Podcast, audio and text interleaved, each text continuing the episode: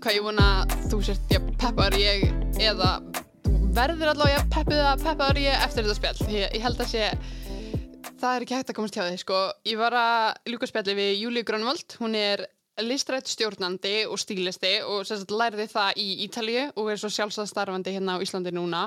Vinna fyrir allskynns fyrirtæki. Hún er að gera mjög mikið af cool staffi var að gefa út sitt eigi tímaritt Nei, krakkar, sjálfströstið á þessari konu, ég, ég man ekki eftir að hafa séð annað eins þegar ég hugsa fljóðlega tilbaka. Þetta er, þetta er snild og ég ætla svo mikið að taka þetta sjálfströst með mér bara út í lífið núna því að það er náttúrulega bara eitthvað sem maður þarf að gera til að þú veist, bara kunna með þetta sjálfan sig og bara gera þú veist, fullt af cool hlutum og hún bara tala svo mikið um þú veist, hvað er stjórnað mikið, hvað við erum að kaupa, þú veist, kapitalisma í tískuheiminum, vistvanni tísku, hvað er mikilvægt að hugsa áður en maður kaupir og alls konar svona tísku ráð og ég, nei, það var svo gaman hlusta á hana, ég hefði gett að hlusta á hana í hérna, þú veist, 5 klukktími við viðbótt, sko, þannig að ég vonu að takir bara það sem hún er að segja og allavega meldir það og ákveði hvort sért sammála eða ósammála, það má alltaf ákveða það fyrir sig, en bara taktu þetta sjálfstrist með þér út í daginn, ég, ég dyrkana. Þessi þáttur er tekin upp í podcaststjóðjó Akureyrar og er þar á leiðandi í bóði X-Mist og Múlabergs. Júlia, þið svo vel. Sko, beint eftir mennskóla þá ég var að vinna ógisla mikið. Því það var eitthvað væpið, maður var bara eitthvað að vinna ógisla mikið, allir að sapna pening fyrir einhverja reysu. Já, Asíureysan góða. Asíureysan mm. góða, sko. Mm. Þannig að allir voru bara eitthvað einhverju svona sækomót, vinnumót. og að fara svo í reysu og þú veist, ég ferðaðist ógislega mikið Kika. og en svo var ég bara eitthvað bjó á, hérna, bjó á agurir mjög lengi að sapna pening þanga til ég fekk bara svona ógeð á að vera á Íslandi að því að greinlega fann ég bara á mér þú veist, ég á að vera doing something great right now mm -hmm. þess vegna fann ég skóla út í Flórens mm -hmm. á Ítalíu í hérna, kursum minn hér Fashion Communication and Styling. Mm -hmm. It's so fancy. Já, já það var geggjað sko. Þannig, og það var algjörlega, það var svo random einhvern veginn hvernig ég fór í þann skóla, ég vissi bara besta vinkonu sýstu minnar, hafði farið í hennar skóla í þú veist eitt ár og bara, já, þú veist, hann er til og það kennir eitthvað annað en hönnun. Uh, og ég, þú veist, ég vissi ekkert betur eitthvað, ég vissi bara, ég vildi vera eitthvað fashionista mm -hmm. það var bara væpið með mitt þá og ég var bara, já, Ítalija, bara fuck it I've never been, þú veist, ég ætla bara að fara og flytja til Gött. og ég bara, ángurins, ég hugsaði ekki meira enn það og, og here I am today Gjöðveikt, og betur sóttur bara um þú stendur bara umsókn á netinu Já. bara, þetta var þryggjar og nám þetta var þryggjar, á nám Já. og ég sendi bara inn umsókn og fór ég inn í eitthvað svona umsóknarferðli maður þurfti að gera eitthvað svona smá portfóljó bara með einhverjum svona myndum bla bla bla. Mm -hmm. og skrif einhvern texta um sjálfa þig og ég fór í eitthvað ennskupróf og svo flög ég náttúrulega bara í gegna því að veist, það eru ekki margir útlendingar sem sækja um þetta ná Já. þetta er miklu meira, þú veist, ég manni mætti og við vorum tvær sem voru ekki ítalskar. Ó, vá. Uh, Já, þannig að ok, við vorum þú veist tvær, þrjára eitthvað, en það allan að, þú veist flestir, þú veist, allir í skólanum voru bara ítalir og minn kurs var þú veist, einn af tveimur kursum sem voru kendur á ennsku, þannig að þetta var bara ítalir sem ég var fyrst eitthvað svona, oh shit, þú veist það er, ég er bókstæðilega einu útlendingurinn. Eða mér leið, þannig. Og, en svo var það bara það var ángrís bara blessun fyrir mig, sko, Mhm. að vera í kringum alltaf þessa ítala og bara þessi menning og þetta er bara ángrís besta upplifin lífsmins Vá, geðveikt. Ángrín sko. Og hvað, þú veist, var þetta alltaf ítölsku það? sko nei, nei, einmitt, þú veist kursin minn var á ennsku Ok, thank god einmitt, en svo náttúrulega ég var henni þrjú ár. Eftir Mhm. þrjú ár þá er ítalinn bara eitthvað halló, þú veist, talar ekki ítalsku Já, þannig að oftast var þetta svona, þú veist að eitthvað svona uh, direktorinn af mínum kurs var alltaf bara eitthvað að senda okkur e-mail og ítölsku og ég var bara eitthvað bro, þú veist Æ, þú veist, það var alveg svona ég, þú veist, ég er, þú átt bara taktu bara til þig til þess að ég er ekki ítali skilur þannig að þetta var smá ströggl Mhm. ítali vill bara svolítið mikið að þú læri bara tungamáli sett og eitthvað þannig en nei, þú veist, kursin minn var allir á ennsku mhm. Þannig að, já. En þú talar alveg Þú eitthvað eftir þetta? Já, ég var alveg, ég var mjög góð í að skilja og ég var mjög góð í að bulla líka. Já. En þú veist, málið er bara, þú veist, ég, ég fór aldrei í ítölsku nám. Ég var bara, þú veist, að læra vinum mínum. Og vinum mínu eru, þú veist, jafnaldrar eða, þú veist, yngri og þau tala bara í sem miklu slang, þú veist. Mm. Einu frá Napoli, annar er frá, þú veist, norður Ítalíu og henni frá einhverjum strandarbæði. Þannig að allir tala bara sitt slang og þú veist, það var bara ógæslega erfitt fyrir mig að læra af þeim. Og en nei, nei, þú veist, ég mann ég fór í búð og ég var bara eitthvað, ég var bara að tala ítölsku og þannig að þú veist, já, ég, ég lærði alveg mjög mikið og ég er alveg, þú veist, ég er alveg ágætt í dag, sko, þannig að ég held að sé að það vantar líka bara svo mikið confident.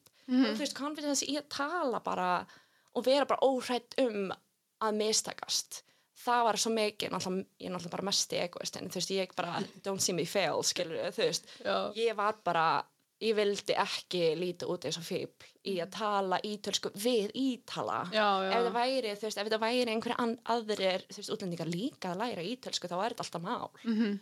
en þarna var þetta bara ekki væpið og það var bara allir eitthvað, hvernig talar ekki ítölsku og ég var bara eitthvað ógsta lítil í mér, fattur þau skiljanlega. En þú veist, ég finna þú veist í dag ég er bara svo allt annir manneski eftir þetta þú veist, og mér er svolítið öllu saman hvað öðrum finnst þannig að ég er bara eitthvað, ég ætla að tala ítölsku ég ætla bara að fokka upp og þú bara, það er og þú bara leiður eftir mig Já, já, Æ, þú veist, já, já, einmitt, já, algjörlega. þannig já, Já, algjörlega. Mhm. Hérna, getur þú tekið mikrofón aðeins nærðir? Svona Jöp, geggið. Já. Hérna, hvað hétt, var þetta bíagráða? þetta var, sko Ítali vilja ekki viðkynna þetta nám sem bíagráða Mm en bara á Ítalíu þannig að þú veist, ég er með ítalska di diplómu en, svo, að, þú veist, en þetta er gráða alls þar annar stað, sko Þannig að ef þú ert að segja, þú veist, á Íslandi, þú ert að fara í atvinnuðu tala Mhm. eitthvað, segir þá bíagráða, þú veist? Já, ég myndi, ég myndi kalla þetta gráðu, sko. Á, Mhm. geggja. Af því þú veist, það er viðkent fyrir öðrum, skilur í öðrum nations að þetta sé bíagráðu, sko. Ok. En bara að því að þetta er ekki, veist, viðurkent stjætt einhvern veginn, veist, þetta um, creative direction, veist, þetta er ekki, þetta er ekki einhver vinnustjætt eða eitthvað svoleiðis eins og hönnun er. Já, Þannig að þetta er bara ekki, já, viðurkent sem, þú veist, eins og þau segja, láriða, þú veist, fyrir þeim. já. En annars það er þetta bara gráða, skilur Þannig Já, ég bara, er að fara í, get farið í mastersnám hvað sem er og Ok, já, já. get það alveg, já, þú Mhm. veist, já, ok, geggja. þannig já. Já, hvernig var þetta, þú veist, hvernig var fólk að taka í þetta hérna heima, hérna, þú veist, að þú væri að fara að læra, þú veist, segjum að þú hafi verið að læra stílistan, uh, Nei, ég myndi aldrei segja það, sko. Nei. Ég segi alltaf, veist, þetta var, já, þetta communication and styling. Communication er rauninni bara miðlun. já, Getur verið markasfræði, getur verið ljósmyndun, það getur verið video Mm. production. Þú veist, þetta, get, þetta er svo vítt svið. já, og, og svo náttúrulega er stílisering stílisering er líka bara þú veist, það tengist ekki tindalega bara fötum, þetta Já, er einhvern veginn bara þetta hönnunar auga Mhm. sem þú ert að læra bara að fá einhvern veginn þannig að þú veist það er bara mjög mörgir sem kalla mig bara einhvern hönnuð eða já, þú veist, mamma og pappi er ennþá að veist, spyrja mig svona byrju hvað og ég að segja þú ert? Og ég er svona æ, þú veist I'm an artist. Já, eða þú veist, bara mér er alveg eitthvað svona creative director, Já, þannig, bara listræn stjórnun, það er bara það sem ég segja að ég geri, þú veist, mér það bara fólk veit ekkert hvað fælst í því endilega, þannig að mér finnst það bara fínt, sko, Já. þú veist, that's what I do, þannig að það er ekki, sko, Mhm. en þú veist, varst að fá einmitt bara, var allir bara eitthvað geggjað, gott væp, eða var, var einhver svona eitthvað, Júlia mín, þú ættir nú að fara í hagfræði, Nei, hvað, þú veist, fóreldrar mínir eru svo miklu hippar og þeir, þeir eru bara eitthvað, "Á, já, ok, langar þið bara að vera þetta, bara, ok, geggja, við stiðjum þið, skilu og þannig að ég er bara ógislega heppin með það, Já. það ángríns bara eitthvað, það viðskipta fræði, þú veist, þú verður að vera í einhverju góðu starfi, það bara er ekki hugarfar sem ég einhvern veginn ólst upp við, það var alltaf bara do what you wanna do, sko. Það er bara svolítið frjáls sko. þannig að ég gæti gert þetta og sýsti mín er einn svona ótrúlega frjáls. Hún gerir bara nákvæmlega það sem henni langar til að gera. Þannig að það er rosalega svona óheðbundin stíl yfir fjölskyldinu minni finnst mér sko. Þannig að ég held að ég hafi bara verið svolítið þú veist, ég er bara ógislega heppin að hafa fengið þetta uppeldi bara að ég sé bara frjáls að gera það sem ég vil gera og mamma minn og pappi eru bara alltaf til staða fyrir mig þannig ég er mjög heppin með þau sko mm algjörlega, sko, Mhm. og hvað, þú veist, hérna, ef ég spyr svona eins og kall út í bæ sem er Já. Mhm. hagfræðingur, hvað gerir við þessa gráðu? Sko, í rauninni getur gert rosalega mikið. Til dæmis, þú veist, við vorum fimm sem útskrifuðist úr hérna, þessum kurs og einn af þeim er tískuljósmyndari. Um, hann vinnur í Tel Aviv í Ísrael. Um, þannig að, já, hann er bara ljósmyndari og bara vinnur frílans sem ljósmyndari.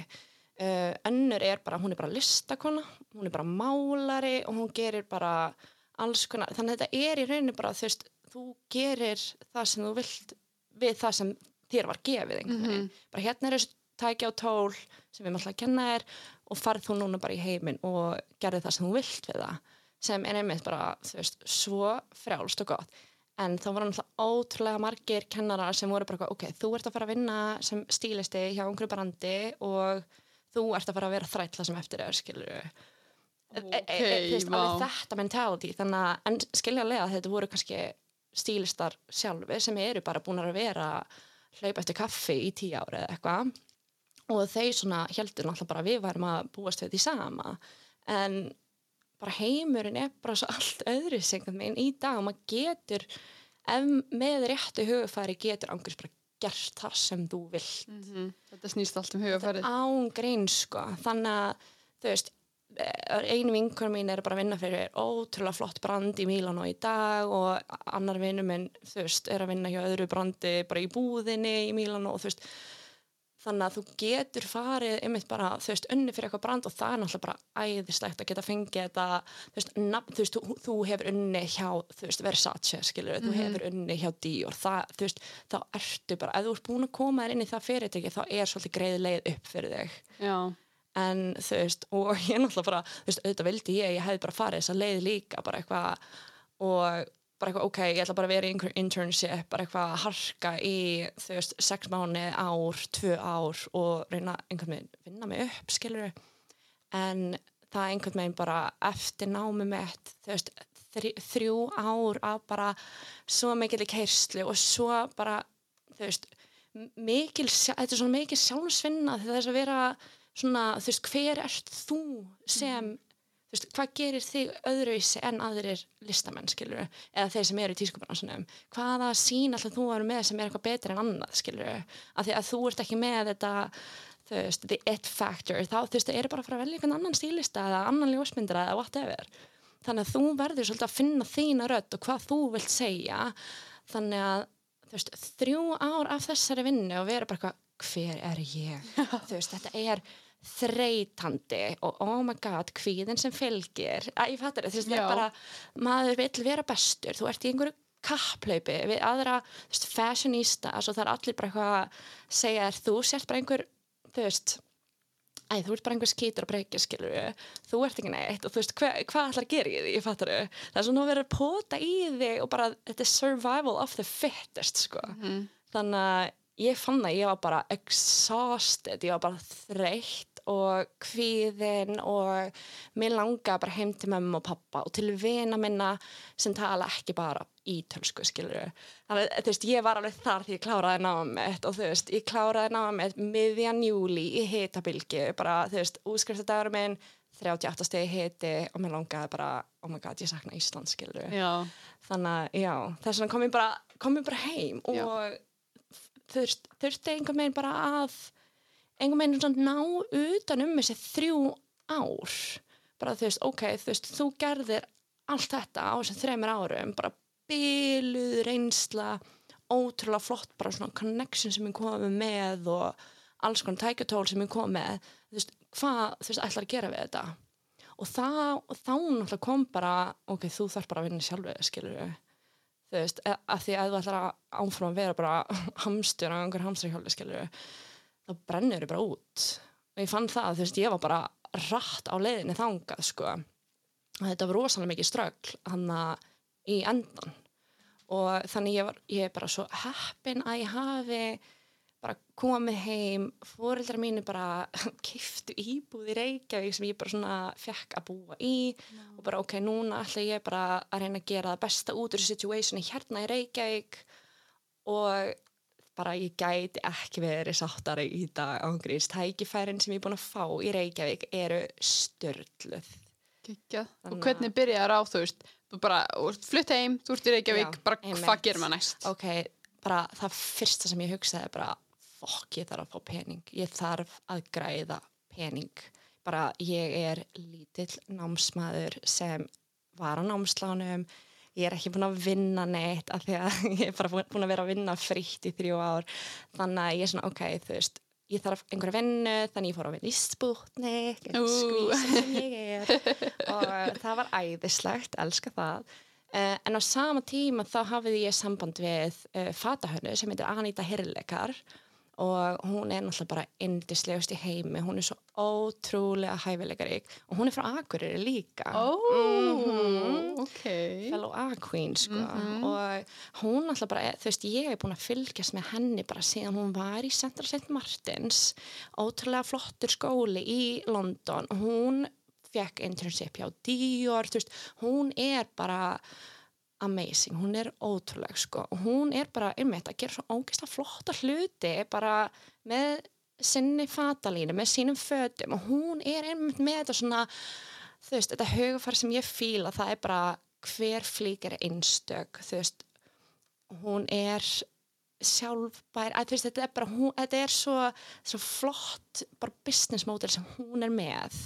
Og hvernig hún hugsar um klæðna á konum að því að þú veist, hún er með ótrúlega rit, bara svona litríka kjóla sem er svolítið svona fyrir íslenska markaðin er bara eitthvað, wow, ok, þú veist, chillaðu. Þannig að hún alltaf auðvitað selur mest úti. En þú veist, hún vill bara hún ætla bara að breyta markanum í Íslandi. Hún ætla bara að sína þú veist, þú getur verið svo ógeðslega flott í bara flottum kjól sem er í öllum regnbónslitum og bara þetta er bara þess að þú ert í vistriga sko, skilur þú veist og það er bara eitthvað sem er nýtt fyrir íslensku konunni þú veist. Þessi bara, þessi kjólar eru bara mist bara, mist hún bara æðisleg. Já. ég bara er, var, og já, einmitt það sem ég var að segja var, ég hafði samband við hana. Og hérna og ég segi bara við henni bara, ok, ég er hérna nýkomin frá Ítalíu. Ég er ótrúlega áhugasum um það að fá að bara vera í starfsnámi hjá þér. Og hún sagði bara, já, geðveikt bara ég var endilega til í að fá þig. Þannig að ég bara hitti á hana og hún er bara eitthvað hvað geriru og ég er bara eitthvað, veistu það ég get gert hvað sem er. Í alvörinni bara, þú veist, ef, þú- ef ég þarf að segja mig eitthvað, ég geri það, þú veist, ef ég þarf að hann eitthvað, eð, þú veist, ef ég þarf að taka myndir ef ég þarf að gera myndbönd fyrir veistu það, ég bara finn út úr því að ég get gert allt, skilur og fyrsta sem við vinnum að saman er bara um, tískumynda þáttur bara lookbook eins og maður kallar það fyrir nýju fatalínunar og ég fæ sanns að bara þetta listræna frelsi sem hún gefur mér og bara við gerum myndir með flottum ljósmyndir að geggjum módeli og þú veist og það var svona fyrsta svona já ok, wow, þú veist ég, þú veist, I did that, skilur þú veist, með ógislega flottum fata henni, ég var bara, ok, þú veist, þetta er eitthvað og þannig að, þú veist, ég er bara búin að vera að vinna með henni og í, bara síðan þá vá. Þú veist, við erum bara búin að, já, hún er búin að kenna mér svo ótrúlega mikið bara hva- hvernig framleiðislan virkar og hvernig er best að nota veist, þessi efni eða eitthvað þannig og bara hvernig hönnunarferli hennar er þannig að þetta bara, já, bara æðislegt að fá að vinna með henni og þar að leiðandi náttúrulega kom bara þessi, þú veist, snjóbolti sem byrjaði að rúlla eftir að ég vinni var að vinna með henni. Þú veist, ég er búin að vinna bara með þá öðrum fatahönnum, öðrum ljósmyndurum þetta er bara, já Það er búið að ganga mjög vel.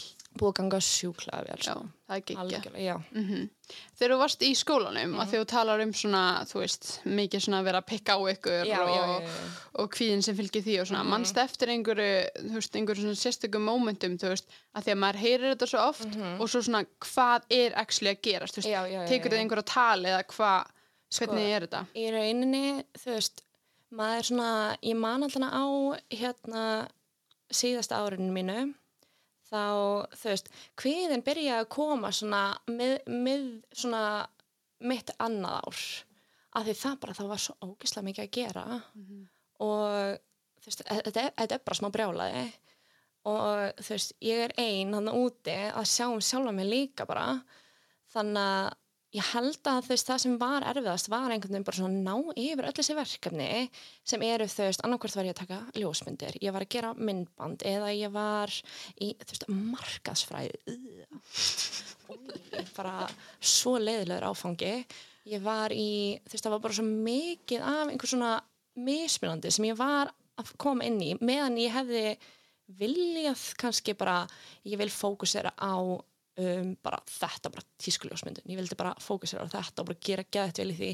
En ég var ekki, þú veist, sjö áfengum og þurfa að halda upp þú veist, öllu þessu gera einhverju rík, þú veist, þetta var bara ógst erfitt. Já. þannig að svo kemur maður á þriðja ári og þá er það bara eitthvað rosalega mikið bara sviðsljósa er á þér. Og ég var að vinna, að, þú veist, kennara minn var bara eitthvað the fashion director of Vogue Italia. Wow. ógislega intimidating. Og þú veist, maður byrja, hann kemur með eitthvað svona veist, það byrja allir að kenna þér þannig að þú átt bara nákvæmlega að vita hvað átt að gera. Þú veist, maður þarf bara að finna út úr því. Þannig að það var líka svona hví- kom svolítið það, bara svona ok, af hverju heldur þessi gæði, ég veit bara alveg hvað ég á að gera? En ég ætla, þú veist, ég ætla ekki að spurja. Hann bara býst við að ég veit þetta og ég ætla bara að finna út úr því. Og svo gerir maður eitthvað verkefni sem maður er eitthvað ógislega ána með og þá segir gæðin við maður bara eitthvað that's done before. Og maður er eitthvað svona oh damn, þú veist já, þannig að þetta Já. var bara svona ok, hvernig dyrfist ég er bara lítill nefandi af hverju ertu að setja mikla pressa á mig? Sem bara, þú veist, var gott inn í Já, já. ég lærði svo ógeðslega mikið af því.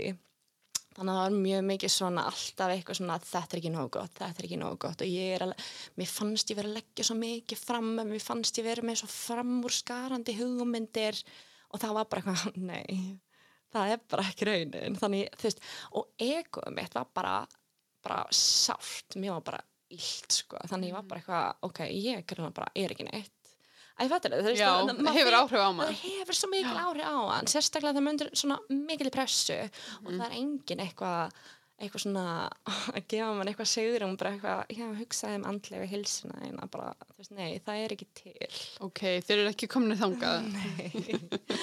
þannig að sem betur fyrir átti ég bara tvær bestu vinkonur sem átti bara gott baklandana þannig að ég bara var komin inn í bara ítalskar fjölskyldur sem byrja bara svolítið að sjá um okkur og þú veist Æ, þannig að það var alveg, þú veist, bjargaði mér svo mikið bara að eiga þessar vinkonur að sko, bara til að og bara, já, að því þegar maður er bara eitthvað, oi, ég er ömuleg, ég er með ömuleg hugmyndir þá er allir bara eitthvað, hvað er það að tala um?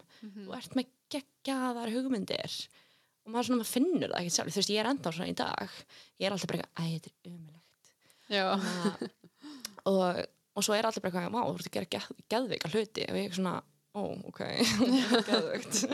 Það þarf sem að heyra það meira en aðra daga. algjörlega, algjörlega. Þannig að ég, þú veist, ég vildi svo mikið að þess, þessi kvíði hefði ekki verið svona ógislega lamandi, ég vildi að ég hefði bara svona ok, þú veist, ég ætla bara ekki að hlusta á þessar rattir og ég ætla bara að gera my thing þannig að þú veist, þá veit ég að þú veist, lokaverkefni mitt hefði verið allt annað en það var, skilur þú veist, ég bara, ég hafði ekki kjarkin til að fá fleira fólk til að hjálpa mér bara með myndir, með þú veist, myndvinnslu eða þú veist, vídeós og eitthvað þannig, ég var bara ég þarf bara að gera þetta allt sjálf. Æ, þú veist, ég var bara, ég þekk engan ég tala ekki ítlsku, það var alltaf að stoppa mig þannig að uh, ok, þú veist, jú, ég er alveg ána með það sem ég gerði en ég veit að ég hefði gert betur. Já, og ég er bara, þú veist, að sanna það fyrir mig í dag að Já. ég get gert bókstaflega það, bara allt, ég get gert allt. Mm en það er alltaf, eða þú veist, oft betra þá bara að sækja hjálpa í mitt og, oh my god, já, það er bara þess vegna er fólk í kringu þig, það er annað til að hjálpa þér þess vegna fer maður líka í skóla. þess vegna fer maður í skóla, fólk er annað til að hjálpa þér, en ég var bara eitthvað svona mm, það er allir að máti mér eitthvað, bara, nei, þú veist bara farðu og fáðu þessa hjálp sem þú þarf til að gera geggja verkefnið þitt Já, algjörlega. þannig að ég er búin að læra í það í dag Já, og, 100% og hvernig er þú veist, kvíðin í dag varðandi allt allt? Er það bara Sko- farinn eða? oh my god, bara, núna er bara þessi COVID kvíði, þú veist það er bara, þú veist, hvenar get ég bara gert eitthvað án þess að vera bara eitthvað sjúkla limitið að þú veist, æ, þetta er bara þú veist, þetta er bara eitthvað erfiðir tímar einhvern veginn, en þú veist, man, man má alls ekki láta það stoppa sig einhvern veginn, en núna er ég bara eitthvað, þú veist, hvernig á ég að fá verkefni? Af því að, þú veist, núna er ég bara sjálfstætt starfandi teka að mér bara verkefni hér og þar og ég er ekki, þú veist, hjáninu fyrirtæki sem bara svona, þú veist, getur ráðið mig og það er bara, þú veist, ráðstafinir fyrir, þú veist, einhverju sótvarnarreglum og eitthvað blablabla. Mm -hmm. En þannig ég er eitthvað svona, ok, hver er alltaf að ráða mig? Ég er bara frílansa. Þannig að þú veist, það er, það er bara svona, þetta er bara erfitt fyrir litla listamenn, skilur. Þetta er bara, já, þetta er bara erfið tími. Þannig að maður þarf svolítið að vera úrraða góður, sko. Og þarf svolítið bara að hugsa í lausnum, bara, þú veist, maður má ekki láta neitt stoppa sig. En þú veist, kvíðin svona almennt í dag er bara, þú veist, ég finn bara að ég er svo ógeðslega tilbúin að takast á við þetta. Af því að þegar ég var úti þá var ég bara eitthvað ég hef ekki tíma til að baða mig í kvíða. Ég hef bókstala ekki tíma fyrir það þannig ég verð bara í þessu til liðar í þessu niður þanga til bara að það sprakk skilur Mhm. og en þú veist í dag þá er ég bara svona ég tekur þessu þetta er bara velkomið í dag. Bara ef, ef mér líður eitthvað illa ef ég er smá kvíðin þá bara já bara þú veist, notaði þennan kvíða til að koma þér áfram, ekki láti þetta vera eitthvað lamandi, ekki láti þetta stoppa þig, þetta er það sem er að fara að vera drifkraftur þinn. Þannig að það er þú veist, það er svo gott að vera á þessum stað. Að það er bara svo æðislegt að vera á þessum stað að bara hafa lært af þessu að díla við kvíða, að því það er svo bara, þetta er svo algengt. Já, um, nákvæmlega Bara bara, flestir sko. og sérstaklega hjá listamennum sem eru svo skapandi og eru svo bara, þú veist, djúphugsi og þú veist, og þeim, þú veist, listamennum er ekki sama. Þú veist, listamenn eru bara þú veist eru bara eitthvað svo þú veist, vilja bara vel fyrir sig, fyrir aðra einhvern veginn, þú veist, eru bara þú veist, já, þú veist, eru bara meira, þú veist, einhvern veginn í takt við sjálfa sig. Þú veist, að þeir eru bara ekki að hugsa um eitt annað nema að skapa út frá sjálfum sér. Þess vegna þarftu að hugsa svo mikið um sjálfa þig, skilur og þá er svo mikilvægt að nota bara þann kvíða sem munt líklegast finna fyrir þegar þú ert listamæður að nota hann sem drifkraft, nota hann sem listina þín einhvern veginn. Mhm. þannig að það er allan að það sem ég hvet alltaf til að gera sem eru einmitt að díla við einhver svona, einhver svona tilfinning að nota nota hann kraft sem þetta í raunum veru er Já, algjörlega sko. Og þú veit líka, þú veist, það, maður finnir alltaf svona, það er ákveðna típur sem eru, þú veist, gerðar fyrir að vera sjálfstæðstarfandi og þú ert held ég akkurat þannig Mhm. ég er svo típa, Já. ég er bara on paper það, ég bara er þessi típa Já, og að vera einmitt, e- e- þetta er svo fyndið sko, því þú veist, maður er svo veist, þetta er svo mikið svona ströggl innra mann, með manni skilur, þú veist, að því það er alltaf, mér langar svo í hellinga peningum til þess að kaupa villi út í toskan skilur, þú veist, að, þú veist, allt þetta þú veist, þetta mentality, mér langar að eiga svo mikið pening en á sama tíma þá get ég ekki selt sálunum mína í bara eitthvað corporate, fyr, eða þú veist, eitthvað fyrirtæki til að vinna vinnu sem þau vilja að ég geri. Þú veist, ég finna bara innra með mér, ég finn það í líffarinu mínum að bara ég á að þú veist, bara make a difference, ég á að gera eitthvað bara út frá sjálfur mér og gera einhverja hreyfingu. Þú veist, ég, ég finn þetta svo mikið. Þetta er bara að hlusta á innsæði sitt. Mhm. og þess vegna er ég bara svo þú veist, sjálfstæð og er að gera bara sjálfstæð verkefni eða þú veist mm, einhvern veginn með mína listrænu sín fyrir aðra. Og það er það sem mér finnst skemmtilegast að gera, það er ángreins þá er ég bara in my element skilur Mhm. ég að nota mína sín fyrir þú veist aðra, þú veist, ég er bara ég er bara hugmyndasmiður, ég er bara skapari. Og það er einhver kannski með einhverja vöru eða fatalínu eða vill gera einhverja ljósmyndir eða eitthvað þannig. Og ég er bara ég er með þessa sín og ég bara, ég veit nákvæmlega hvernig ég á að framkvæma þetta, ég veit hvernig ég ætla að miðla þessu og þú veist, hverja ég þarf í þetta verkefni, ég veit orkuna sem ég vil fá í þetta verkefni. Og það er bara, þú veist, veist hvað annars það að gera þetta heldur en að vera bara sjálfstæðist einmitt. einhvern veginn. Mhm. og þannig að já, það er bara ég er bara, þú veist, ég, þú ert ekki að eða veist, að fitta inn í eitthvað svona fyrirtækja corporate starf einhvern veginn. Að það er bara að finna veist, hvað ætlar þú þá að gera þú veist, þú verður að nota þess að skapandi hugsun bara fyndi út til því hvað þú getur gert út frá sjálflega skilur og þú veist, þú tengir líka mjög mikið við þetta, þú veist, bara með Já. dansin sem listrænt form, skilur Mhm. Það maður verður að bjarga sér sjálfur maður verður að bjarga sér sjálf, þú veist, hvernig ætlar að, veist, að nota þetta tjáningaform, þetta listræna form í að þú veist, að, að segja það sem þú vilt segja. Þetta er það sem ég finnst svo fallegt, er bara hvernig listamenn eins og þú geta notað sett tjáningar frelsi og þú notar það með líkamanninum til að segja eitthvað mikilvægt mm -hmm. Akkurat. Þetta er mjög góða punktur, sko, ég líka, ég elska sjálfsöryggið þitt, sko, ég elska, ég er svo mikið að dýka það, sko. en ég það, mér finnst líka bara gegja, þú veist, að því ég fór alltaf inn hugsaður og varst að tala um þetta bara, að því við vorum að tala um príma dansfélagið og síðan fór ég að hugsa hverju voru í þessu eitthvað í stjórnin eins og sátt og þú veist, þú varst öruglega eina af það sem varst ekki, þú varst ekki eins og æfa dans á þessum tíma. Nei, ég var ekki hversi geggja og þú varst þannig bara eitthvað að semja og stjórna og eitthvað, oh það byrjaði að snemma. Einmitt, og ég var ekki meðvitið um það sko á þessum tíma ég var bara eitthvað, já, semja dans uh, ekkert mál, Mér finnst þetta snill. já, þetta, ég, ég hef ekki pælt í þessu fyrir en þú sagðir þetta sko Nei. I did that sko veist, ég, já, einmitt, bara eitthvað hef ekki, þú veist, ég æfði hip-hop, freestyle, eitthvað svona dans þegar ég var í sjötta bekka eitthvað. En þú veist, fyrir það en nei, hérna, sem sagt bara já, fyrir mentaskóla var ég bara í fimmleikum ég var Já. fimmleika drottning um, og en þú veist, ég, ég haf, haf, hafði aldrei kóriógrafa eitthvað svona, eitthvað nútímadans og ég bara eitthvað gerði það Mér finnst þetta ógeðslega fyndið að þú veist, ég var aldrei búin að pæla í þessu. Þú veist, við vorum allar einhvern veginn búin að æfa dans í sex ár, eitthvað svona. Og þú veist, og það var aldrei eitthvað svona, já, Júlia, hún er ekki að æfa dans, hún er bara einna. Þú veist, þú varst bara alveg já mikið við, þú veist. og bara eitthvað, þú veist, Þetta er ógeðslega fyndið. Ég veit það, þetta er, þetta er rosalegt sko, þannig að ég er bara svona, ég held að ég hef alltaf bara verið þannig, ég vil bara koma mér á sama level og bara þessi professionals einhvern veginn.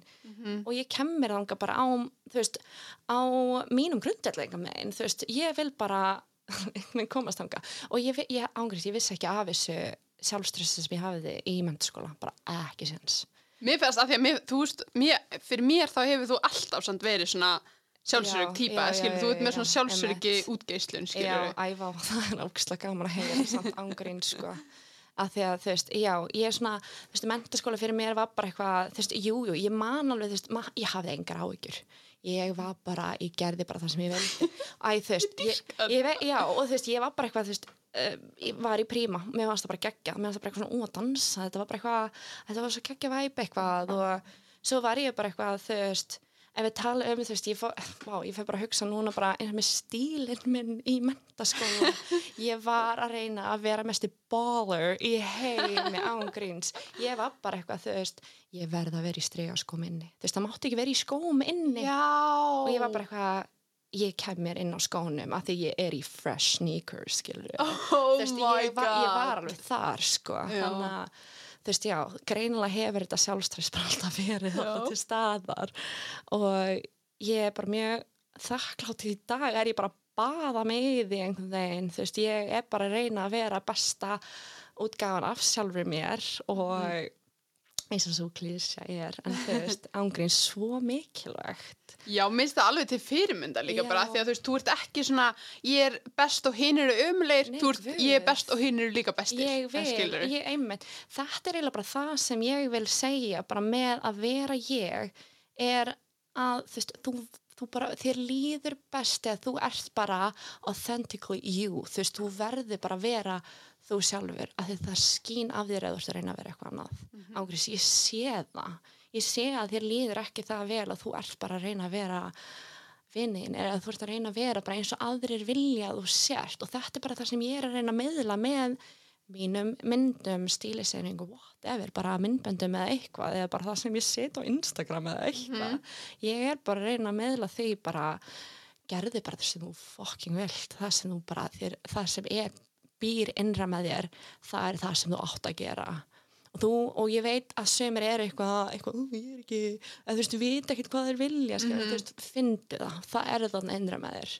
Þú verður að finna til að, þú veist, geta verið bara þú af því að þú ætlar að vera bara þetta lamb í þessari þú veist í, í þessu söðfjörskilur bara eitthvað alltaf allt og alla ég held að þú munir bara aldrei einhvern veginn uppfylla bara þína svona lífsþörf Mhm. ég held að þú munir það bara ein, einhvern veginn svona ekki lifa það hafa mikið sem er lífa, kannski stórt að segja það eitthvað, ég veit Þetta ekki. er bara skoðun. þetta er bara, mín, þetta er bara algjörlega mín skoðun ég er bara, þess vegna er ég hér á þessari jörð að ég ger samlega verð að inspira fólk bara veita því innblástur að vera bara það sjálft Mhm. í stíl eða bara það sem það segir eða bara, þú veist allt byrjar með fötum finnst mér. Af því það er bara hvernig ætlar að presenta sjálfa þig bara, í, þú veist, í því sem þú ert.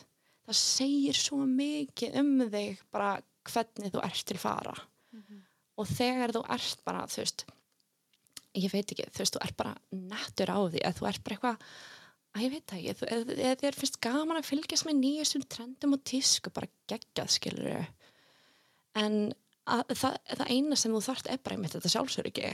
Þú veist, þú getur ekki verið í einhverju bara eitthvað að því það er nett eða trendi eða einhver, þú veist, áhrifaldur er í því eitthvað. Og þér líður bara gett kjánulega í því en þú, þér langar svo mikið að fitta inn skilur, en þú fittar inn ef þú ert þú, bókstaflega. Að því fólk tekur því sátt ef þú ert bókstaflega bara að vera þú sjálfur. Ef þeir gera það ekki þá bara þú veist fokk Skiptir það skiptir ekki máli. Nei alveg er bara að þú veist umkringja sig að fólki sem tekur mann bara í sáttin sem það er það er bara, það er bara lífið þitt. Þannig að ef einhverju láta þig bara líða ítla með að vera þú sjálfur eða fyrir fú- eh, þú veist, fötin sem þú klæðist eða tónlistin sem þú hlustar á bara í burtu með ykkur. Vík burt. Víkburt. Mm -hmm. hérna, mér finnst þetta nefnilega sko geggjað að- með, þú veist, að það byrja með fötunum. Af Já, því ég held að já. sé svo satt. það það sko Um, og það er líka bara eitthvað sem við hefum lært í dansinum er að, þú veist, eins og ég hafði aldrei verið mikið í commercial stílum áður en ég fór út Mhm. Algjörlega. og núna er það bara uppáhaldsstílum minn algjörlega og það, á, þú veist, hvernig ég lærði að vera góð í því og gera það mitt var Já, bara já. því ég klætti mig eins og Já, commercial dansari, já, bókstala en maður, ef ég var í einhverjum, þú veist, ballettból í tíma þá, Já. þú veist, ég var bara ekki að fara að gera þetta er ótrúlega að finna að Algjörlega, þessu, sko. einmitt. og það er það einmitt það sem ég fíla með það sem þú getur sagt með dansinum er einmitt, þú veist, hverju klæðust þetta á fyrst í? Þú veist, búninga, hönnuðir krakkar eru svo mikilvægir og þú veist það er bara, þú veist, upp einhvern veginn svona uplifts þú veist, the dance performance, skilur það Algjörlega. er í hverju manneskjan er í og eins og þú bara doing your thing í commercial dansinum, skilur þá ertu bara að vera eitthvað nett á því. Þú ert bara einhver squeeze, bara that bitch, skilur og þú klæðir því samkvæmt því, skilur það er bara að því þú vilt gefa út það væp, fattar það þurft ekki alltaf að vera í einhverju jakkafötum. Og þá ertu bara eitthvað Það er annar Það, dansstíll. það er annar skilur þannig að það, þess að það segir svo mikið. Bara stílmaður bara, ég gæti skrifað heila bókrakkar gerði það, ég myndi kaupa One day, one day, já, já, já. Ágrín, sko. Þannig að já, ég er alveg svona, þú veist, ég vil líka alveg bara kalla mig smá svona, um, uh, hvað segir maður, svona, þú veist, ég er félagsfræðingur.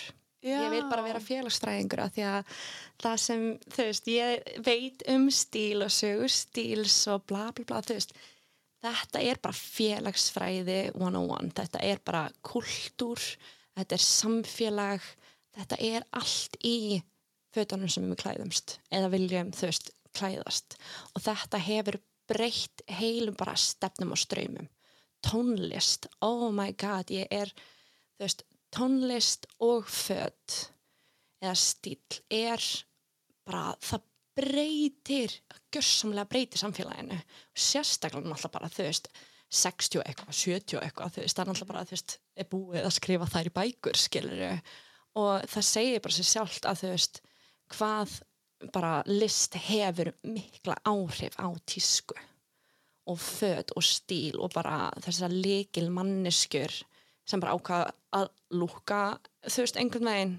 Bara eins og þú veist ef við tökum bara einhverja meistara í dag þú veist Harry Styles. Oh my god. Hann er að bara making waves sko. Lil Nas. Já, oh, ég er obsessed. Hann er breyta öllu. Hann er að gera, þú veist, ég veit ekki hvort þið finnið hennan jarðskjálta sem hann er að skilja eftir sig akkurat núna, en hann er að breyta svo miklu akkurat núna fyrir uh, bara samkynniða, fyrir uh, bara alla af þessari, þú veist, sem eru í þú veist, LGBT öllu því, skilju Mhm, þetta samfélag þarf þessar leikil manneskjur sem eru með veist, ákveðin stíl og veist, segja eitthvað með því. Bara þarna Já. er, a- gæinn gerði nægskó sem var inspirað af Satan þú veist, hann gerði The Vá. Satan Sneaker. Hvað þessi legendary. Þú veist, hann er svo mikil veistari af því að þetta er reyfing fólk, þú veist, sér þetta og er bara eitthvað, oh my god, nei, nei, nei, nei, nei, ekki í mínu húsi, þú veist, satanskóru nei, nei, nei, nei, þú veist þetta er bara, þú veist, þetta er að gera reyfingar þetta er að láta fólk hugsa. Það er svona bara tískamaður, þú veist, Já, þetta er tíska, bara þetta er bara, já, þetta er rosalegt Já, dæmi, sko. þetta er það sko. Mhm. Hvað myndir þú segja við, þú veist, að því að með svo margir vera bara, ó, þessi klæði svo ógæslega flott eða þessi er svona, ég vildi Mhm. Geta verið svona, en Einmitt. síðan er fólk einhvern veginn ennþá bara í þunningum gallabuxum og Já. röndandi peysu, sem er ekkert að því, ef þið líður því. vel í því, Mhm, ekkert að því. einmitt En, þú veist, ég veit um suma sem eru kannski ekki þannig og bara svo komast ekki áfram Mhm. Já, og svona já, veit ekki, já, þú veist, einmitt. hvað myndir þú segja, ertu með einhver ráð fyrir þessu? Sko, já, það sem ég myndi ráðleika þessu fólki sem veit ekki alveg hvað það á að gera, það er að finna sér þessa fyrirmynd. Já, Það er bara, ok, hver finnst mér bara nettur, flottur, þú veist, einhvern veginn bara svona einhvern manneski að þú svona, já, ok, þessi er mér svolítið flottan stíl og bara þú, þú fílar orkuna frá þeim. Það er það sem ég finnst svo merk, eða þú veist, mér finnst það skipta svo miklu máli. Fyrir mig var bara þessi leikjal manneskja sem ég var að fylgjast með því ég var yngri, var Rihanna. Bara hún með sett öryggi í klæðaburinn sínum og hún er einmitt þessi manneskja sem bara svona, veist, hún er ekki þessi basic bitch, hún er ekki að fara að klæðast bara ægir þú veist, bara þessi venjulega, hún bara, þú veist, hún klæðist í bara sem hún vill skilur og bara, þú veist, og er bara með þetta attitude, hún bara, þú veist, það bara gislar af henni og ég var bara, ég var bara, þú veist, ég slefaði yfir henni. Og það einhvern veginn svona gerði, þú veist, ég lít þá upp til hennar bara út af því, skilur og ég svona, já, ég get alveg verið þessu Rihanna, eða bara henni er drullu sama, skilur og það er ekki að því hún er einhvern svona ógeðslega dýrum fötum, ég er alveg sami, ég get alveg fundið svipað fett bara í hertex, í rauðakrossinum krakk elska veslaðar oh það er amazing því þú getur fundið svo skemmtileg pieces bara, sem þú finnir bara ekki í búðum í dag sem er ógislega nett og þú ert bara eitthvað já ok, ég ætla bara að rocka þetta. Mér er alveg sama, skilur þannig ég held að það sem ég myndi segja fólki sem veit ekki hvert á að leita það er að finna þessa fyrirmynd sem bara svona þú fílar orkuna frá þeim. Þú veist það getur verið bara þú veist það getur verið einhver fótboltamaður getur verið einhver tónlistamaður eða, eða bara einhver pólitíkus, bara whatever bara, eða það er einhver sem er bara þér finnst vera bálinn, sem finnst þið bara vera þessi manneska með svolítið flottan stíl og þú fílar bara hvernig þeir presenta sjálfa sig. Þá held ég að það sé bara svolítið manneskjan fyrir þeir til að svona, svona kopja Mhm. Og eða bara svona einhvern veginn, já, að plæja í þenn stíl, skilur ef þú ætla, ef þú ætlar að versla eitthvað ég mæla alltaf með einhverju nýtjamörk Já, ég mæli með að versla second hand. Ég mæli ekki með að fara í motherfucking ógislega H&M.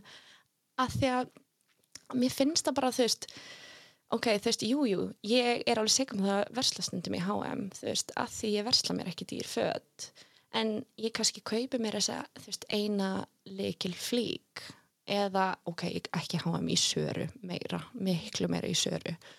Og þú veist, að því ég vil náttúrulega allir geta bara, þú veist, haft aðgengi að því að kaupa sér flott föt á bara góðu verði, skilur, að 100% en það er líka bara, þú veist, að það er svo mikið að hugsa um maður ætlar að kaupa föt hjá H&M.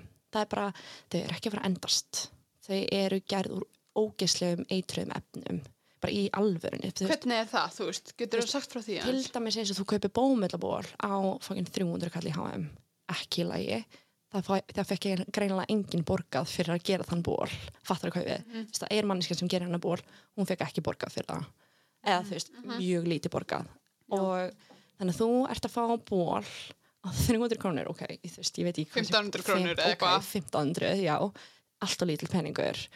Alvöru, þú veist, bómillabólir kosta allan og svona, þú veist, 3500 kall eða eitthvað þannig.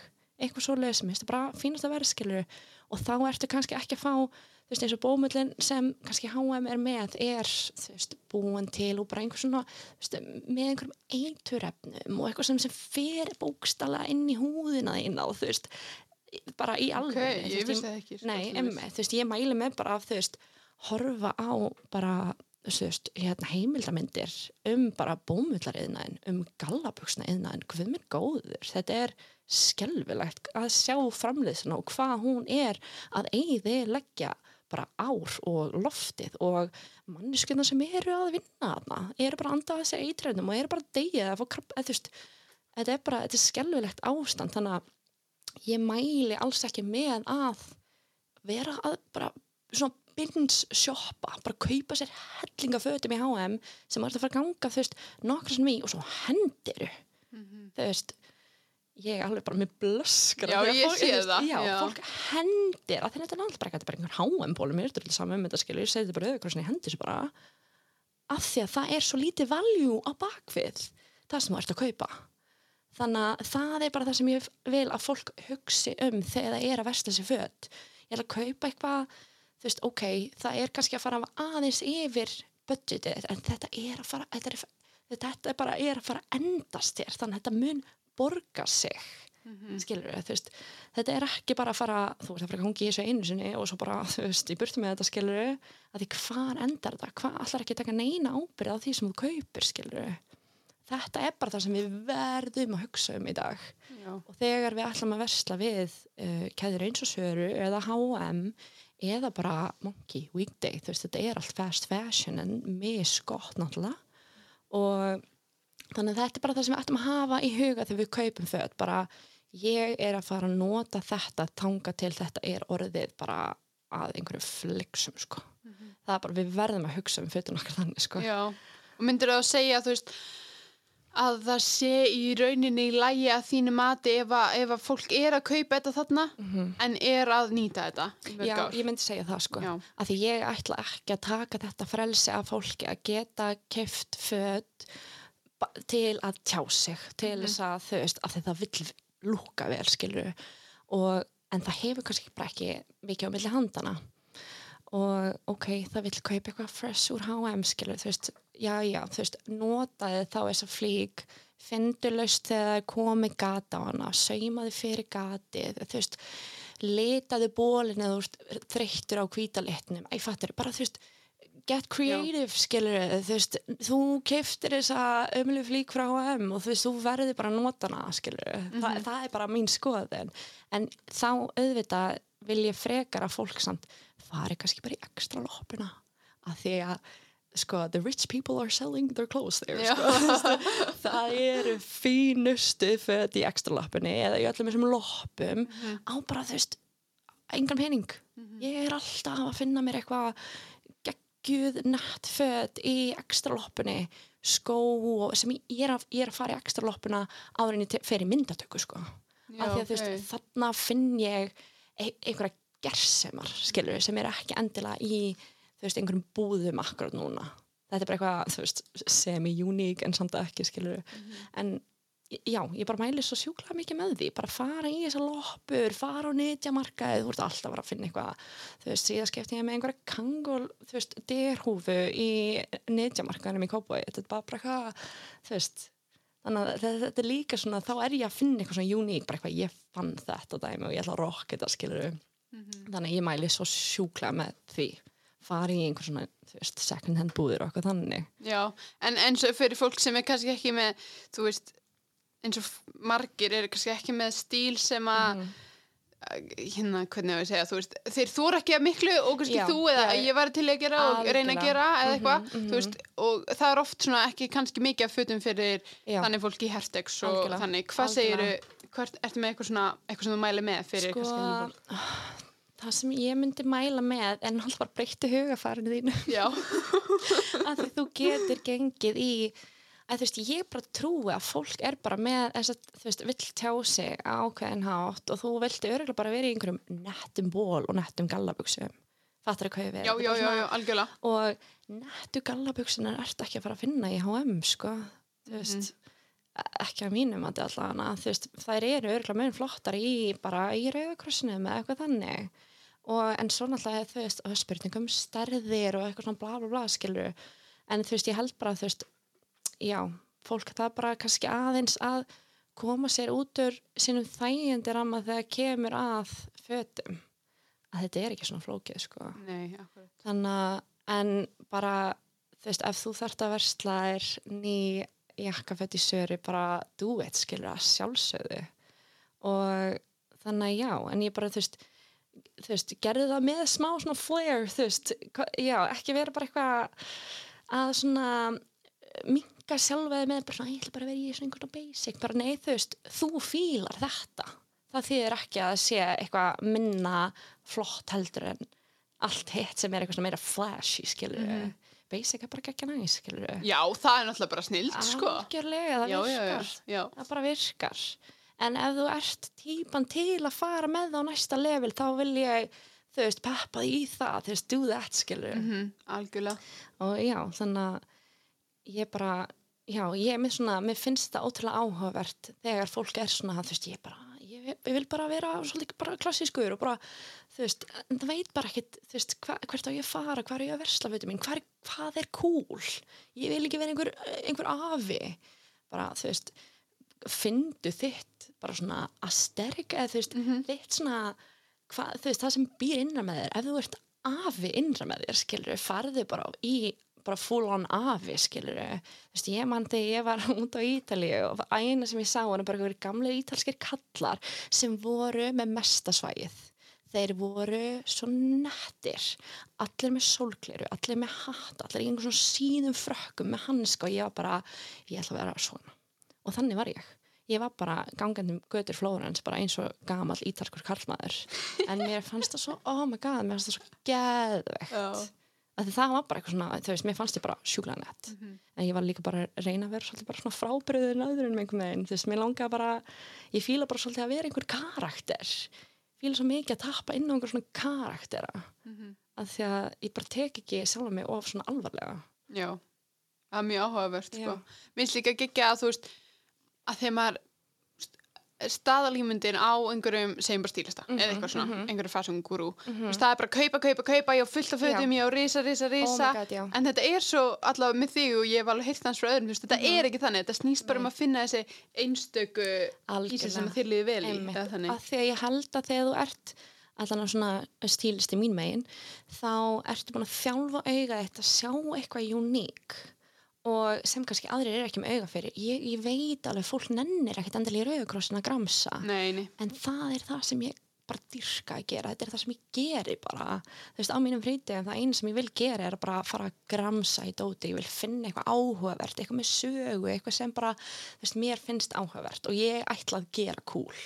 Já, þannig að það er það sem þú veist þessi stílistar eru með auga fyrir og líka fatuhönnurinn alltaf bla bla bla skilur en svo ertu með kannski svona celebrity stylists sem eru kannski bara með svolítið pjötan um húlsum hvað er um, flottasta svona nýjasta flottasta nýjasta brandið og svona þú veist hvernig getur þau verið bara svolítið þú veist look good for the money veginn Mhm. og þannig að það er kannski þessi, þessi staðal ímynd af stílista er svolítið bara svona this is trendy, þetta er ógislega mikið í tísku akkur núna og þess náttúrulega lítið svona út. En það bara tekur allt svona listræna partin úr því. Það er orðið rosalega kapitalist einhvern veginn. Ef við förum út í þá sama. Um, og- Segðu mér frá því. sko, þegar maður byrjar að tala um trend til dæmis þá um, trend koma frá uh, sem stofum sem heita hérna, Trend Forecasting Agencies.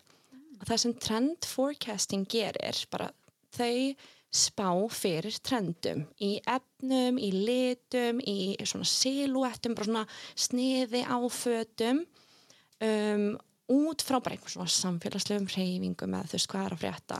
En í rauninni eru þau bara að fylgjast með þetta fólk í þessum svona trend forecasting, þau fylgjast bara með þú veist uh, einhverju nettu fólki, einhverju nettum hönnum og þau svona, svona, svona taka svona einhver svona, gera einhver svona söðu pott og þau bara svona ákveða, ok, litur ársins fjólublár Æ, skilur, þú veist bara, ok, groundbreaking, skilur, ok, Já. fjólublár og þau skrifa einhvern texta fjólubláar af því að heimurinn er í stanslausum breyting, æ, skilur, eitthvað sem kemur einhvers að bullum að kaupir það. Og ég bara, ok, fjólublár, this is the year, skilur, og þá bara kemur í búðir, bara fjólubláar peysu, fjólubláar galaböksur, þú veist, jewelry, skilur, þú veist, að því það er búið að bara bókstala búa til fyrir þig, bara, þú veist, þessar agencies gera bara svona report, bara þetta er það sem er trending, skilur þetta er það sem þú veist, þú þyrftir að gera. Og fata hönnir kaupa þetta, þú veist, kaupa þessi report. Um, Vogue kaupir þetta report, þannig allir eru að sjá það sama. Bara hvað er að fara að vera í tísku. Þannig ekki skrítið að það sem verður í tísku er í tísku, skilur því það er búið að ákveða hvað verður í tísku og hvað fólk mun kaupa. Þannig að það er verið að stjórna kauphegðun kapitalismi og þú veist, ég fíl þetta ekki. Ég, þú veist, það er bara að vera að stjórna okkur. Já, já, já, já, já, ég skil komina Þú veist, og ég, ég fíl þetta ekki. Þannig ég er svona ég skil businessin. Og ég, ég skil að það er hægt að græða. Þetta er gróði, þetta er bara þú veist, þetta er þú veist, a-ok skilur bara fyrir græðgi og volduga menn sem eiga stór fyrirtæki eins og söru skilur og þú veist neita að borga þú veist þeir sem er í framleiðslinu og eitthvað svona, æ, veist, þetta er svo oh, þetta er svo mikið svín, þau eru svo mikið svín hana og þannig að veist, það sem, það sem ég þá og þessi krakkar sem eru bara svona að versla í netjamörgunum og vera ógisla fokkin nett á því og vera listamenn og gera flotta hluti fyrir flott brönd og eitthvað þannig þú veist, kaupa ekki inn á þetta veist, kaupa ekki inn á þú veist, að þau ætla þau láta einhvern stjórna sér og segja sér hvað er trendy, bara nei svona liðið mér akkurat núna og svona klæðist ég akkurat núna.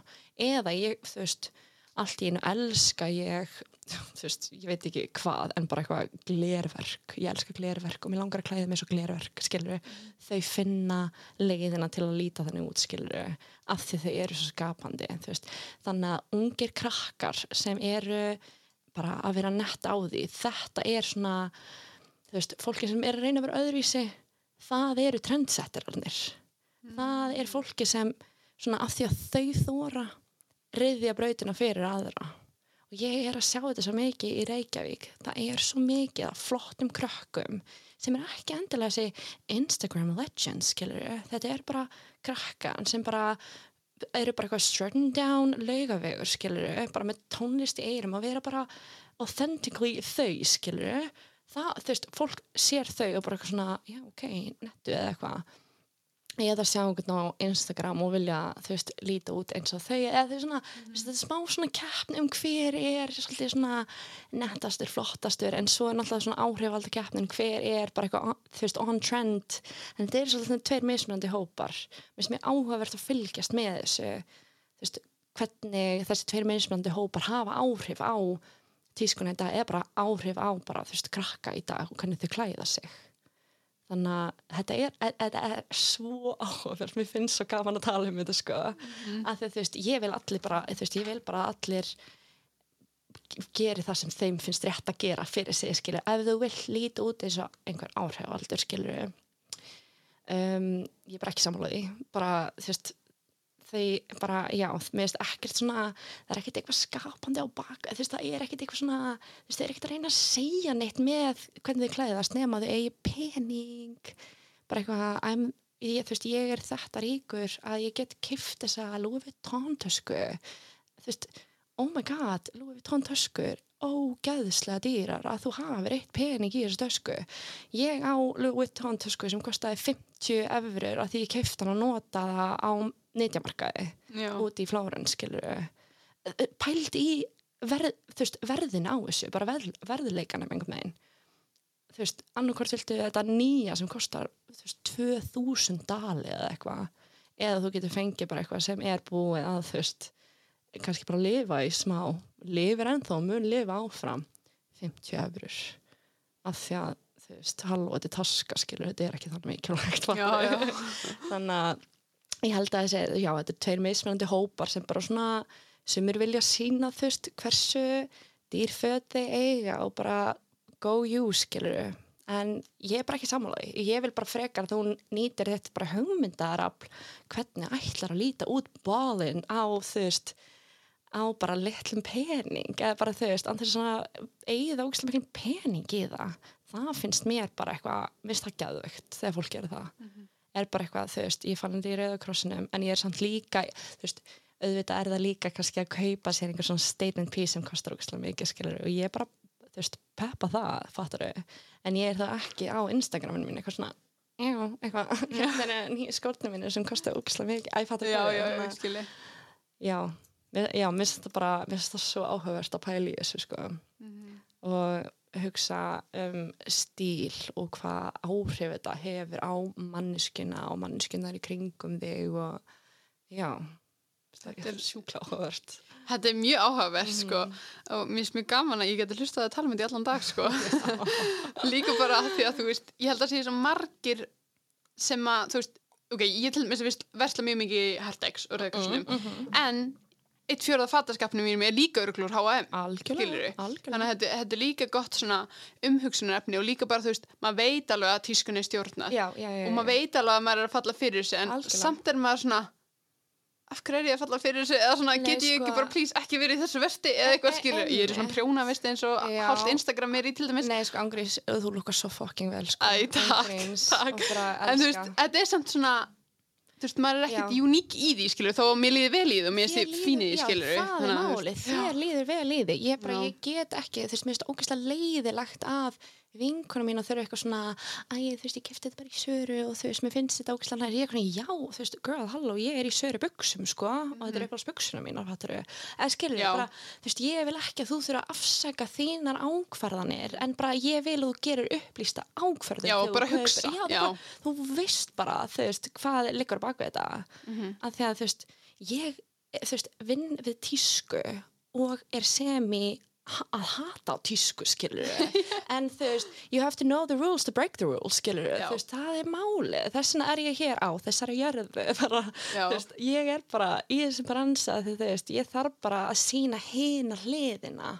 Það er svo mikilvægt fyrir fólk að sjá báðar hliðar, þú getur verið þú veist, bara í dýrum fötum, gengið í því einu sinni, bla bla bla skilur og þú getur líka bara verið ógeðslega nettur á því bara í rauðakrossfötum skilur þú veist no one's gonna see the difference sko. ég, ég sver í alvörinu þú veist ég á gullfallega kápu sem ég kefti í Wasteland og fólk er bara eitthvað oh my god, er þetta ógeðslega dýra kápan úr geysi? Og ég er eitthvað no girl, þú veist ég kostaði bókstala tíu skall.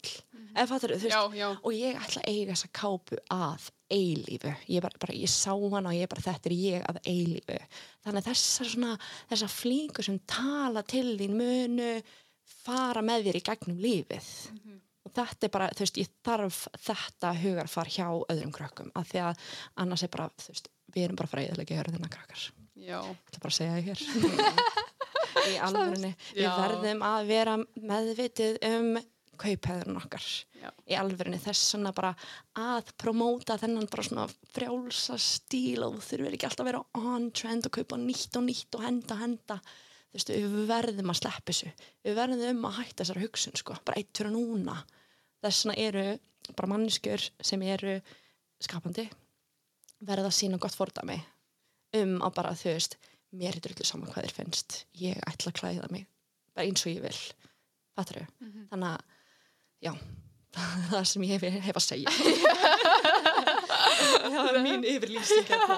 Jésús Nei, mér finnst það bara ekki líka bara að þið versla í þú veist, þó allavega þarf að styrkja gott málumni í leiðinni.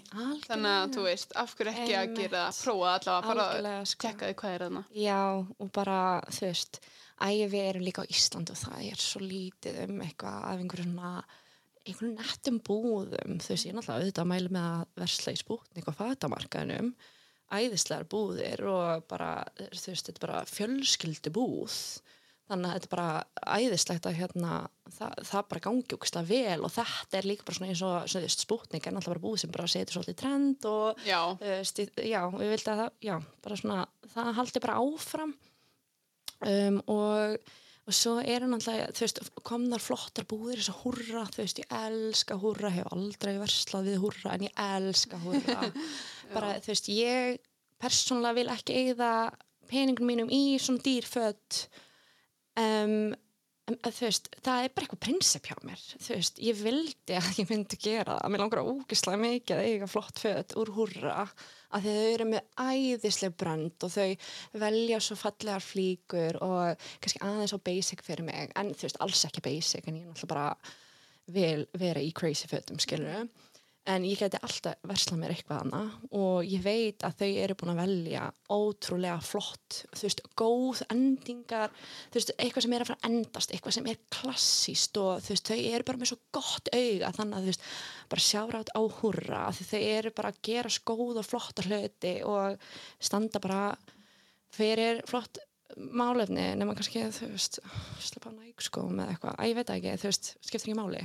Um, og svo eru, þú veist, hvaða fleira. Svo er hérna búið sem heitir kiosk sem eru bara íslenskir fatahennir og hérna þannig ég mæli með að kíkja þangað þú veist, ef maður vil styrkja íslenska fatahenni og bara eiga einhverja klassíska íslenska flík sem er alltaf gaman að eiga.